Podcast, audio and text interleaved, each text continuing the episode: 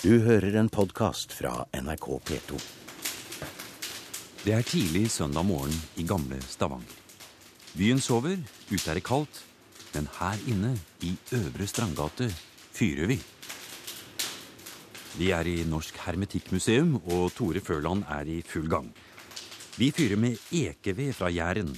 Det skal røkes brisling. Vi skal følge den samme produksjonsprosessen som arbeiderne i Venus Packing Company fulgte i disse lokalene for 100 år siden.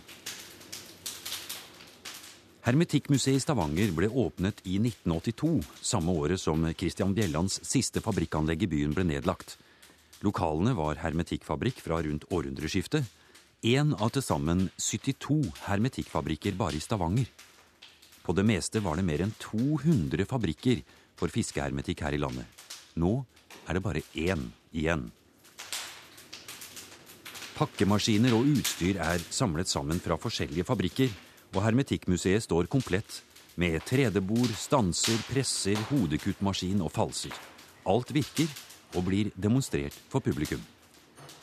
Men i dag er en spesiell søndag morgen. Røkeriet innerst i fabrikken skal fyres opp. Det skal røkes brisling på gamlemåten, og publikum skal få smake. Det virker helt motsatt av en ovn. Tre åpner døra på fort her, så blir det mye mindre trekk. Vanlige ovn, så er det helt omvendt. Og det er mye som er omvendt og annerledes når en skal røke brisling etter gamlemetoden. Førland har lært teknikken av veteraner og vet hvor langt fra veggene i de store røkeovnene kubbene skal plasseres, hvor varme ovnsstenene må være, og når brettene med fisk kan henges inn, og hvor de kan henges i de skorstensaktige store ovnene med jerndører. I dag fyres det bare i én ovn, men i gamle dager var hele rekken av ovner i bruk. Uten ventilasjon, uten arbeidsmiljølov og alt som styrer en industriproduksjon i dag.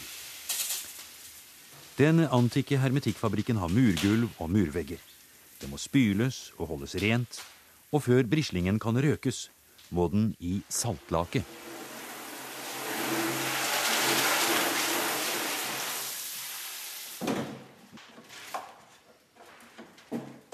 Den, når det ligger i saltlake, da er det sånn at eh, i gamle dager hadde de en rå potet som fløt opp.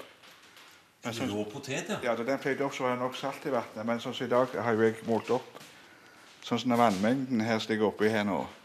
Det er akkurat syv kilo salt i. Og her ligger det da i syv minutter. Og nå hører vi det knitrer eh, litt lenger inne bak her. Ja. Så nå er eh, ovnen i gang.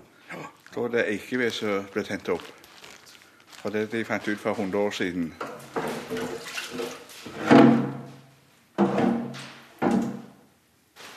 Ja, her var det fullt av folk eh, den gangen de skulle lage sardiner for fullt. Og nå står du alene her, Tore Føland. Ja, altså I 1926, for å ta det året der, da var- jobba det 105 personer her. 105 personer. ja, Det er maks altså, som vi har registrert. Men, men det, det lå mellom 80 og 90 vanligvis. Det er bare ett statistikk da fra 1918. Da begynte de 9. mars med sild. Ellers ser vi ingenting før i, i mai. Hva er det som skal skje med brislingen eh, nå? Nå ligger den her i en eh, saltlake. Før du kan begynne å røke den, så må den Det er veldig nøye. altså. Altså, hvis, jeg, hvis han ligger seks minutter saltlagen, så er det, ingen saltsmak. Ligger han åtte minutter, så er det bare salt igjen. På denne todagsfisken som ligger akkurat i syv minutter. Så jeg står med tida her. Nå er det ett og et halvt minutt igjen.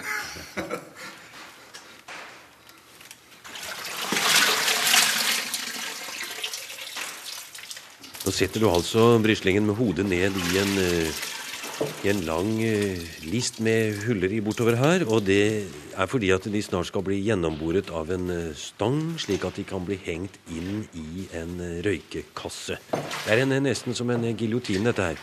Stemmer det. Så kommer stikker inn her. Så er det to avdelinger her. Altså, nå, siden dette er todagsfisk, så skal det brukes det underste. Tres inn i sånn. Nei, det var elegant. Og her kommer det opp altså med en stang med perfekt avstand. Og her henger det Hvor mange brisling er det som henger her? 22. Og dette er arbeidsfolka på Stavanger Preserving som fant opp, ikke ingeniører og teknikere osv. Og, og da, sånn at eh, de hadde jo det bordet bak her. Så, så det, da var det to kvinner som sto. En kvinne tredde det innpå teina, da, eller stanga her, som vi kaller for teina. Nå stikker du rett og slett gjennom øyet. ja. ja. Ja. Så gjorde du sånn, da, og så var det en annen da, som sto og tok den rette avstanden, altså en fingeravstand mellom hver fisk. Men problemet var det at de fikk jo ikke mer penger. altså Dette er jo akkordbetalt. Ja. Da de begynte med dette, så gikk bare akkorden ned. ja. Nettopp. For da greide de mer, ja. Ja, stemmer det. Så må jeg se sånn som Den fisken her er jo skada i skinnet. ja.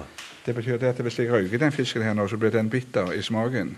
Jaså. Og da vil de se på meg med store øyne og klage over dette. her. Derfor gjelder det å få den vekk fra Ja. røyken. Så her foregår egentlig to ting. Det foregår selvfølgelig det at du setter all brislingen klar nå, men samtidig hver enkelt fisk den snur du litt på, undersøker, slik at eh, du vet at den lar seg røyke. Ja, stemmer det. Bare en liten skade i skinnet, så er, så er det ødelagt. Så det blir den helt bitter, ja. Nå tok du en litt stor en borti den ene enden. Det betyr det at eh, røykekammeret, altså muren, det er jo oppmurt av murstein. Det er jo mer varme til, til nærmere, og den kommer jo i, i kanten. Så de setter jeg aldri midt i. Men dette tok de jo under ett sekund på. Det gjør ikke jeg i dag, som du ser. Et sekund på hver fisk, ja. Ja. Nei, det er utrolig. Ja. Da kunne man altså greie to stenger på et minutt nesten, da. Da så fyller du ned i hullene her, og så finner du en ny stang. Ja.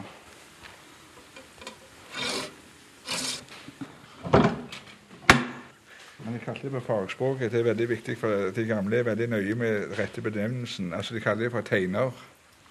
Du, du leter litt nede i haugen av brisling her, for du, du kan ikke bare ta ned, du må vurdere hver enkelt. Ja, ja. ja det, det, det må helst ha de samme størrelsen på hver enkelt. Her har det nå kommet én, to, tre, fire teiner, som du sier.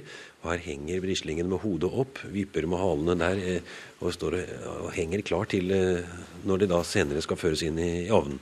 Og da skal det, Hvor lenge skal de være inne i røykovnen? Under disse ekstreme forhold te- Temperaturen varierer i denne nå her i utstillingsproduksjonshallen mellom fem og ti varmegrader. Så må det nok være over to timer. Men normalt om sommeren så tar det én time.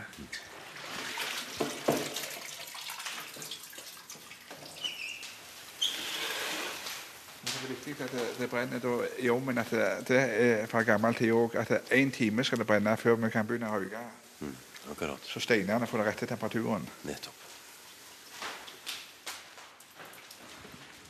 Når man ser hvor mye arbeid det er for å få lage én boks med sardiner, så burde jo kanskje hver enkelt boks ha kostet noe sånt som en par hundre kroner stykket. Det stemmer det. De måtte jobbe en hel dag nesten for å ha en boks sardiner da i århundreskiftet. Og det ble mange bokser sardiner som gikk ut på verdensmarkedet. I 1915 ble det produsert 37 millioner kilo fiskehermetikk. Det er 350 millioner bokser på ett eneste år. Med større grad av mekanisering økte produksjonen, og prisen per boks falt fra 40 øre til 17 øre i 1912.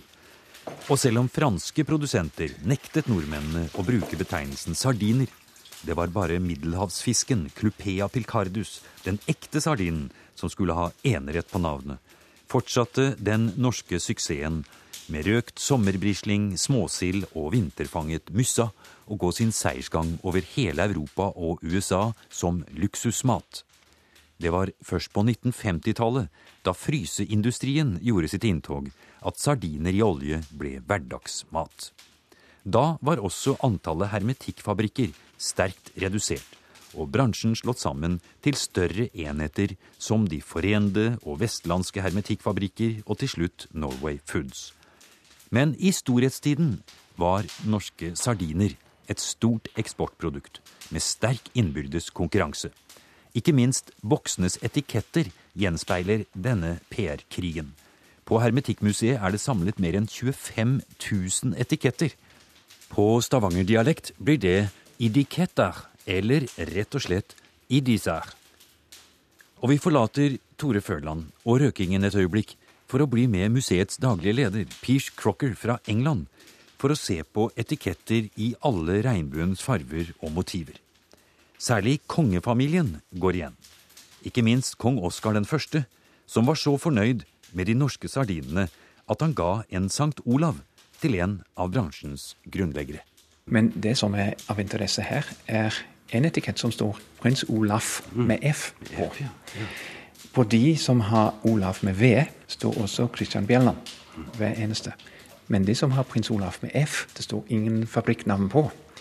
Og det er kanskje litt uh, ulovlig bruk uten tillatelse fra uh, kongefamilien. Men fabrikkeieren han, han, kommer til å si ja, prins Olaf det er ikke det samme som prins Olav med V. Hva er problemet?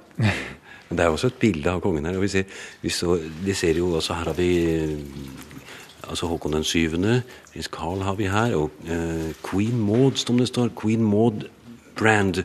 Det er på engelsk, dette her. Ja, Queen Maud, dronning Maud, hun var selvfølgelig datter til dronning Victoria. Så kommer den etiketten til å bli brukt i England, og det var ganske populært der òg. Ellers så ser vi jo her et annet veldig populært eh, tema. Det er norrøne motiver.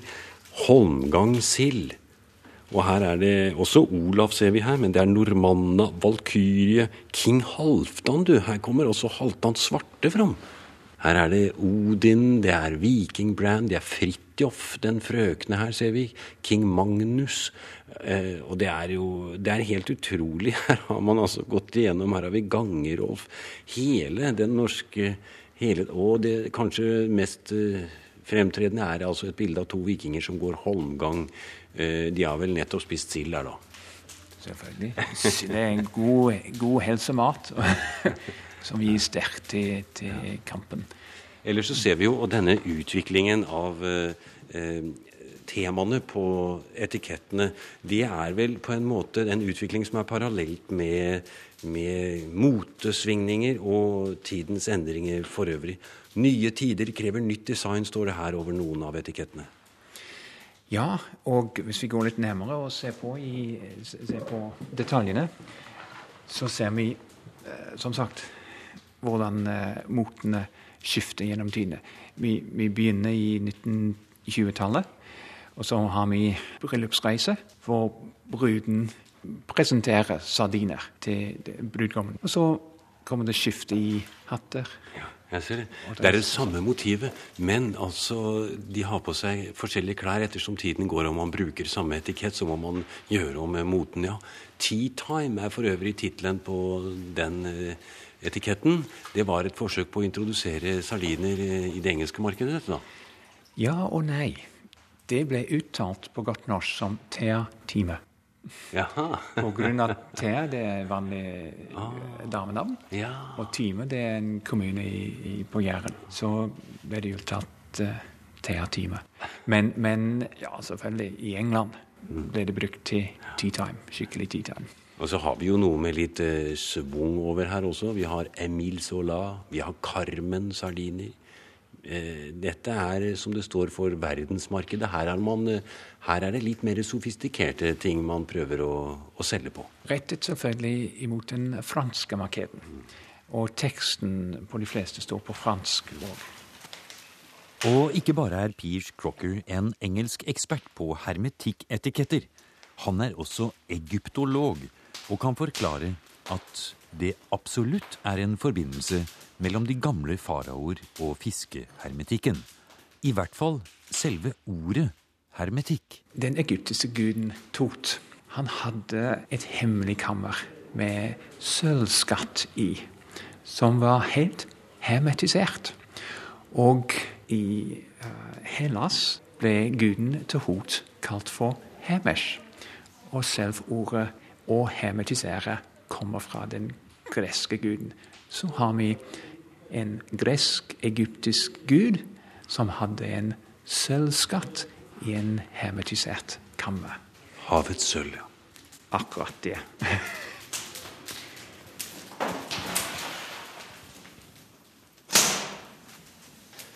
Nå skal det testes om det, det har blitt riktig. Ja, for nå har de vært inne i en og en halv time. Normalt på sommeren er det jo én time de er inne i.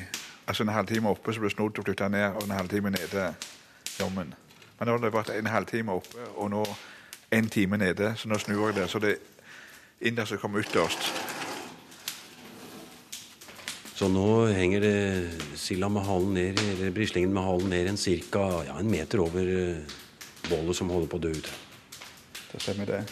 Men det, sånn som i gamle dager, det røykte jo fire-fire-system, at det er to fire rammer inni samtidig. Og så det, de har stått en halvtime, så snodde de så det innerste kom ut, og flytta ned og Så tok de fire. Så det alltid var åtte rammer inni ovnen. Man har lukket døra, sånn at det ikke fra kaldt inni.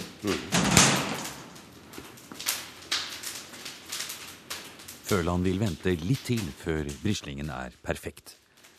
Vi har eh, kommet et lite stykke ut på formiddagen, og museet er åpent. Det har kommet mange søndagsturgåere for å smake og se. Og i vestibylen holder Kjersti Husebø til. Hun er en av ildsjelene i Iddis-klubben. Rundt et bord sitter fire-fem voksne mennesker som har Iddis-samling som hobby. De studerer en stor haug hermetikketiketter de har med seg. De kan se ganske forskjellige ut, men det kan være en del forskjeller. Det kan være vekt hos CV, det kan være at de står tomat eller olje eller oliven. Så er, du må se nøye på dem før du liksom setter dem inn i album. Men, hver, men akkurat nå er dere her på Hermetikkmuseet. Hvorfor det? Jo, for vi har liksom en fast dag første søndag hver måned. At er, da skal det være byttedag og skeining, og du kan få spise nyrøkt brisling og få omvisning og sånne ting. Virkelig fine er det men det har jeg hest hjemme. Men det er jo noen sånne. Ja, her, dette har altså stått på en boks med Ja. okselever i viltsaus. Det har du også, ja. fra Sørlandet. Så det var ikke bare, for, bare fabrikker her i Stavanger. Det var på Sørlandet òg. Her kommer det opp her. Også her ser du en eh, Her er det en som har vært til reker òg, ser jeg. Eh, Ja, den, den Den, er, er fra Hundvåg. Det var sardinfabrikker på Hundvåg òg. Jeg håper å si, er, er, er, er det verdt noe, dette her, hvis vi tenker i, i penger, eller Nei. er det mest for Det er hobbyens skyld? Bare for hobbyens skyld. Ja. Det er folk som tror det er verdt de penger, men eh, vi føler ikke det er verdt de penger. Det er bare hobby for oss. Men jeg har inntrykk av at den gangen hvor hvor det var mange hermetikkfabrikker her i byen, så, så var det ikke så uvanlig at uh, det ble samlet på etiketter? Det stemmer, det. Det ble samla. Folk hadde jo på loftet og kjeller de fikk med seg fra arbeid. og- Hender det du går og kikker på de flotte etikettene som er oppe i annen etasje her, eller originalen i monterne her? Ja, det gjør vi. Jeg har ikke alle disse der, jeg. Det har jeg ikke. Det er bare så synd at folk hiver de ut når de finner sånne ting. Enkelte folk gjør det.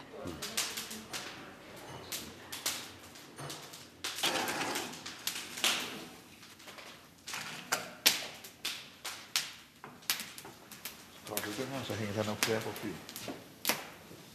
Nå tar du ut eh, en av de eh, stengene som eh, brislingen henger på. Eh, har det blitt vellykket? Det vet jeg ikke ennå. Det er helt umulig å si siden det er så kaldt i lokalet. Det er bare ti grader. Nå rev du av en, ja. Så jeg har egen teknikk jeg, som er hemmelig. Jeg skulle helst ikke sagt det over radio, for jeg tar av halen òg sånn. Så tar jeg ut beinet. Sånn. Ah, Du dro benet rett ut av fisken. Det gikk jo som en Slipper jeg å sette det i halsen. jo, det var vellykka.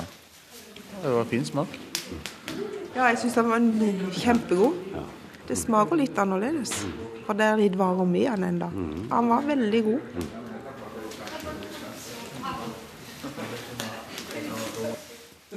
Jo, det var vellykka.